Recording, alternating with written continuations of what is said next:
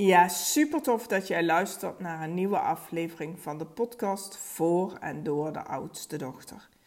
Ik ben Monique Jansen en in deze podcast krijg je inspiratie en praktische tips. Ik neem jou graag mee in mijn wereld als transformatiecoach, waar ik van je innerlijke criticus jouw persoonlijke cheerleader maak, zodat je eindelijk rust in je hoofd gaat ervaren. Dankjewel dat jij er bent. En misschien ben je een trouwe luisteraar, of misschien heb je me net ontdekt. Maar ik vind het superleuk dat je er bent. En als je een trouwe luisteraar bent, dan heb je mij wellicht gemist. En nu kan ik me gaan verantwoorden of onderbouwen waarom ik geen podcast heb opgenomen, maar dat ga ik niet doen. Voor mij is ondernemen een grote leerschool. En soms kom ik tot de ontdekking dat ik het mezelf erg moeilijk maak. En dan besef ik weer, ik mag zelf de regels bepalen. Dus terug naar die basis en vandaag ben ik er weer. En wat bedoel ik dan met dat ik het mezelf erg moeilijk maak? Dat ik denk, oh ja, dit hoort bij een bedrijf, dat hoort bij een bedrijf. En dat ik heel veel dingen toe ga voegen, waardoor ik uiteindelijk het overzicht niet meer heb. Of tot het niet haalbaar is op het moment dat ik ook. Um, de meiden hebben mij vakantie, dus ik wil eigenlijk uh, ook lekker genieten met de meiden. En dan matcht het niet meer. Terwijl als ik het simpel hou, kan alles gewoon doorgaan. En dus terug naar simpel. Dus dat was even een korte introductie. Waarom dat ik er de afgelopen periode niet geweest ben, maar vandaag ben ik er weer. Nou, nu wordt mij geregeld gevraagd, hoe werkt het nou precies? Hoe kan je resultaat bereiken als je een traject bij mij volgt? En daar wil ik vandaag bij stilstaan. En aan de hand van voorbeelden ga ik je, ga ik je meenemen in een traject Vanaf het moment dat de vrouw bij me aanklopt tot het moment dat ze de deur uitloopt. Nou, wie kloppen er bij mij aan? Veel oudste dochters. Maar niet alle, doch nee, niet alle dochters, niet alle vrouwen die bij mij aankloppen zijn oudste dochters. Maar het zijn wel vrouwen die zich herkennen in het grote verantwoordelijkheidsgevoel, het plichtsgetrouwen, het zorgen voor alles en iedereen, je best willen doen, de lat eh, hoog leggen, etc. Ehm, en dat kan. Je kan je als niet-oudste dochter hierin herkennen. En dat gebeurt vaak als jouw zus haar plek niet inneemt. Dan neem jij vaak automatisch die rol op je. En dat noemen ze ook wel de functionele oudste dochter. Dus vrouwen die zich erin herkennen, die geen oudste dochter zijn, ehm, die noemen vaak functionele oudste dochter. En die kloppen ook bij me aan van... hey Monique, ik ben geen oudste dochter, maar ik herken ontzettend wat jij uh, benoemde in je podcast... wat je beschrijft op je Instagram of wat je op je website hebt staan. Nou, welkom zou ik zeggen. Nou, redenen om bij me aan te kloppen. En echt, met stip op nummer 1. Een hoofd dat overuren maakt. Nooit rust in het hoofd. Altijd druk in je hoofd. Maar ik zie ook veel vrouwen die aanlopen tegen perfectionisme. Dingen niet los kunnen laten. Groot verantwoordelijkheidsgevoel. Altijd je best willen doen. Ontevreden zijn met je uiterlijk. Niet echt kunnen genieten. En daar wordt vaak mee bedoeld, of dat voorbeeld geven ze dan vaak bij van: hey, weet je dat je iets met je kind wil doen? Um, spelletjes spelen, maar dat je ondertussen denkt aan je to-do-lijst, aan wat je vanavond gaat eten en wat je nog allemaal moet doen. Dus dat je niet echt in dat moment bent. Schuldgevoel. Schuldgevoel wordt heel vaak ook gekoppeld aan, oh, ik heb zo'n behoefte om even niets te doen. Ehm, maar dat lukt niet, want dan voel ik me schuldig. Dan heb ik mijn tijd niet nuttig besteed. Ik had veel efficiënter kunnen zijn het gevoel geen goede partner of geen goede moeder te zijn. En zo kan ik eigenlijk nog wel uren doorgaan. Nou, en die vrouwen die bij me aankloppen, wat willen die dan? Nou, rust in hun hoofd. Dat is wat ze willen. En vaak geven ze aan: hey Monique, weet je, als ik maar al een klein beetje meer rust in mijn hoofd zou hebben, dan zou ik echt al tevreden zijn. Ze willen ook meer genieten, gelukkiger zijn, een leukere moeder zijn, er echt zijn voor hun kinderen, voor zichzelf op durven komen, niets doen zonder schuldgevoel, etcetera, etcetera. Maar laten we beginnen bij het begin. En dat ga ik doen door een statement te maken. Dus luister even goed. Alle doelen die jij niet bereikt, hebben te maken met belemmerende overtuigingen en emoties.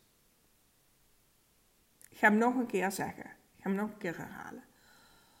Alle doelen die je niet bereikt, hebben te maken met belemmerende overtuigingen en emoties. Ja, maar. Nee, dit was wat ik wilde zeggen. En laat hem gewoon even op je inwerken. En met alle doelen kun je ook kijken naar hey, waar in jouw leven loopt het niet zoals je het graag zou willen. Want ook daar ligt de oorzaak in belemmerende overtuigingen en emoties. En ik weet dat je misschien nu ook direct wil zeggen: ja, maar.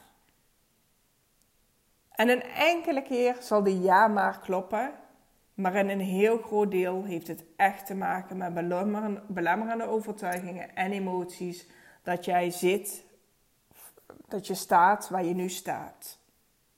Je onderbewustzijn houdt je tegen. Dus wat is de eerste stap die ik samen met een vrouw ga ondernemen? Dat is inzicht krijgen in belemmerende overtuigingen en emoties. En geloof mij, die kan jij niet allemaal bij jezelf ontdekken. Sommige belemmerende overtuigingen zijn zo vastgeroest. Moet je je voorstellen dat um, het gros van je belemmerende overtuigingen worden gevormd in de leeftijd van 0 tot 7 jaar. Nou, hoe oud ben je nu? 30, 35, 40, etc. Nou, tel uit hoeveel jaren dat die belemmerende overtuigingen al programma's zijn die zich keer op keer herhalen. Maar het kan ook zijn dat het generatie op generatie doorgegeven is. En de wetenschap gaat tot 14 generaties terug. En een mooi voorbeeld daarvan vind ik als een vrouw bij mij aanklopt en zegt van ja, weet je, ik durf eigenlijk niet goed voor mijn eigen mening op te komen. Maar als ik terugkijk naar mijn, naar mijn leven, dan denk ik ja, er is eigenlijk niet echt iets gebeurd waar, waar ik dat aan kan herleiden. Uh, weet je, ik ben vrij opgevoed, ik ben veilig opgevoed. Ik heb altijd mogen zeggen wat ik wil en toch zit daar um, een belemmering op, een blokkade op, hoe dat je het ook wil noemen. Nou, en eh, dit vind ik een mooi voorbeeld. Want als je vaak teruggaat, generatie op generatie, is er ook één generatie die uh, valt in de periode dat vrouwen onderdrukt werden. Dat vrouwen niet op mochten komen voor hun mening. Dat vrouwen voor hun mening op de brandstapel terechtkwamen. Nou ja, goed. Je kan je voorstellen als je opgegroeid bent in die tijd, dat daar een blokkade, een belemmering zit op het uitspreken van jouw mening. Sorry. Um, nou, nu leven we in 2021 en jij hebt er last van dat jij je niet uit durft te spreken. Dat heeft dus niet altijd te maken met iets wat in jouw leven gebeurd is. Dat kan generatie op generatie doorgegeven zijn. En dat kan bijvoorbeeld, uh, als je teruggaat, komen uit een tijd waarin vrouwen onderdrukt werden. Maar terug eh, naar het stukje dat jij inderdaad dus niet altijd um, dat zelf bij jezelf kan ontdekken. Want die overtuigingen die zijn vastgeroest. Uh, jij ziet dat als waarheid en niet als belemmerende overtuigingen. Dus ik wil je ook één advies meegeven. Ga daar niet zelf mee stoeien, maar laat het aan iemand anders over. Laat iemand anders naar je luisteren. En als je zegt, ja, wie dan? Ik ben altijd bereid om naar je te luisteren. Ik heb geleerd hoe je die overtuigingen eruit filtert. En daardoor, weet je, we hoeven daar echt niet helemaal te deep diven in de inhoud. Het gaat maar erom wat je zegt. Nee, goed. Dus dat is ook de eerste stap die ik altijd samen met een vrouw ga doen. Uh, onderzoeken van waar zitten jouw belemmerende overtuigingen en emoties. En wanneer ik samen met een vrouw aan de slag ga, schrik niet. Dan hebben we meestal een lijst waar wel 50, 60, soms 70 of meer belemmerende overtuigingen en emoties op staan. En denk je nu, wow, dat zijn er veel. Ja, dat zijn er veel. Maar als je eenmaal besloten hebt om ze op te ruimen, kan je ze ook maar beter allemaal opruimen. Nou, dus eerst inzicht krijgen in je belemmerende overtuigingen en emoties. En als dat duidelijk is, dan is het een kwestie van loslaten. Ja, en ik weet het, dat klinkt lekker simpel hoe ik dat nu zeg. Maar dat is het natuurlijk niet, want anders had iedereen zijn belemmerende overtuigingen en emoties al losgelaten. Nou, hoe kun je dat aanpakken? Dat kun je op twee manieren doen. Je gaat aan de slag op bewust niveau of op onbewust niveau. En besef je even dat je belemmerende overtuigingen en emoties opgeslagen liggen in het onderbewustzijn.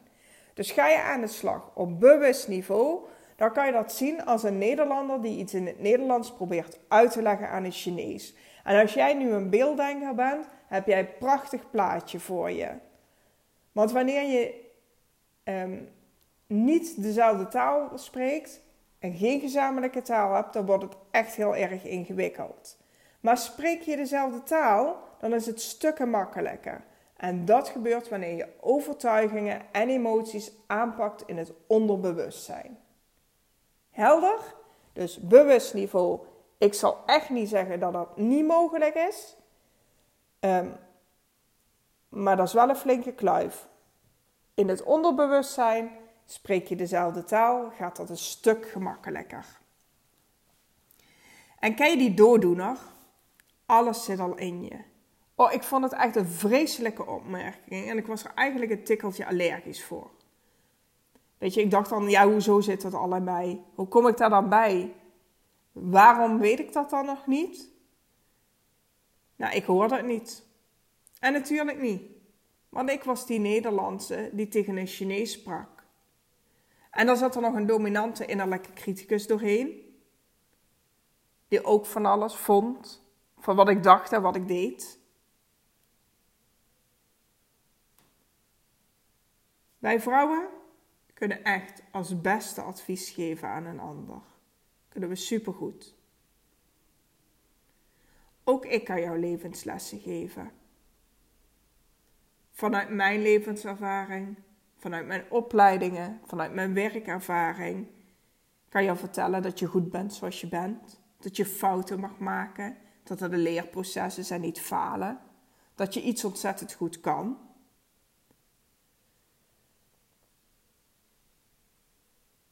Maar als ik jou die lessen geef, dan werkt het niet goed genoeg om jou dat ook zo te laten ervaren in jouw denken en jouw voelen. Met andere woorden, Monique, je kan mooi lullen, maar ik denk en voel toch echt anders. En dat was eigenlijk ook de reden dat ik op zoek ging naar een tool. Weet je, ik liep er zo vaak tegenaan dat ik echt een heel ander beeld had van de vrouw of het meisje wat ik coachte Ehm, en wat zij over zichzelf dachten. En dat was inderdaad echt wel zo'n strijd. Ik dacht, weet je, ja, dat was inderdaad Nederlands praten tegen een Chinees. Want beide zagen we het echt heel anders. En ik kwam er niet bij. Ik kon wel duizend keer zeggen dat iemand goed was. Dat je fouten mocht maken. Maar het leverde niet het juiste resultaat op. Bij Creatrix komt de wijsheid die jij geeft, de levenslessen komen uit jouw eigen onderbewustzijn. En dat komt omdat je tijdens een sessie, dan gebruiken we dezelfde taal. Dus we gaan aan de slag met het onderbewustzijn, zodat jouw eigen unieke levenslessen naar boven komen. Dus tijdens een traject bij mij ga ik jou niet vertellen wat je moet doen, of wat, je, wat de beste tips zijn, wat de beste adviezen zijn, wat jouw levenslessen zijn. Die ga jij zelf uh, vertellen. En ik faciliteer, of ik maak mogelijk, tot dat kan ontstaan. Dat die innerlijke criticus even niet meedoet en dat jij kan praten met je onderbewustzijn en die unieke levenslessen die voor jou van belang zijn naar boven komen. En dan is er nog een stukje wat, waar we aandacht voor in hebben in ons traject. En dat heb ik net eigenlijk al gezegd. Je bent namelijk geboren in een gezin. En je bent opgevoed door je ouders die simpelweg doen wat zij geleerd hebben. En hun ouders deden hetzelfde. En hun ouders deden ook hetzelfde. En ga zo maar door. Een epigenetica is een wetenschap in de kinderschoenen. Stress heeft effect op ons DNA en op genexpressie. Dus wat bedoel ik daarmee? In eerdere generaties ervaren trauma en trauma hoeven we echt niet zo heel zwaar altijd te zien. Hè? Het, trauma is niet per se dat je verkracht bent, dat je een overval hebt meegemaakt, dat je een terroristische aanslag hebt meegemaakt. Trauma kan ook veel kleiner zijn. Um, dat iemand een bepaalde opmerking tegen je gemaakt heeft. Weet je, in de leeftijd van 0 tot 7 worden jouw um, belemmerende overtuigingen gevormd. Als iemand een keer boos gereageerd heeft omdat jij iets deed. Nou, eh, eh, even een voorbeeld. Um, je moest van bepaalde spulletjes afblijven. En er is iemand geweest die tegen jou op een bepaalde felle manier heeft gezegd: blijf er vanaf. En het heeft een bepaalde indruk bij jou gemaakt. Dan vorm, vormen op dat thema al belemmerende overtuigingen. Dus trauma denkt niet per se aan hele heftige dingen, maar trauma kan ook zijn inderdaad. Um, op dat moment was dat wellicht traumatisch voor je. En als je nu terugdenkt, denk je, ja, weet je, het is logisch dat je als volwassene tegen een kind zegt dat iets niet mag. Maar als kind zijnde kan dat inderdaad behoorlijk heftig overkomen. Nou, eh, alles wat daar opgeslagen wordt, dat wordt overerfd. Generatie op generatie. En zo erf jij van zeker 14 generaties terug belemmerende overtuigingen en emoties. Dus tijdens ons traject is het tijd om die op te ruimen, zodat jij daar geen last meer voor hebt. En dat jij ze niet meer doorgeeft aan jouw kinderen en kleinkinderen. En als we dat gedaan hebben, dus we hebben inzicht gekregen in um, onze belemmerende overtuigingen, we gingen ze loslaten. Je ging je eigen unieke levenslessen geven. Dus wat, had je, wat heb je nodig om verder te gaan? Dat wat van generatie op generatie um, over is gegeven, gaan we opruimen. Zodat jij er geen last meer van hebt. Maar ook jouw kinderen en kleinkinderen niet meer. Dan wordt het tijd om je complete denkbeeld opnieuw in te stellen.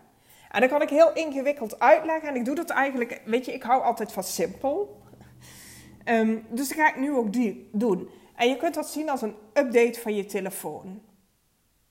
Na een update ben je weer in bezit van de nieuwste versie. De nieuwste software staat erop.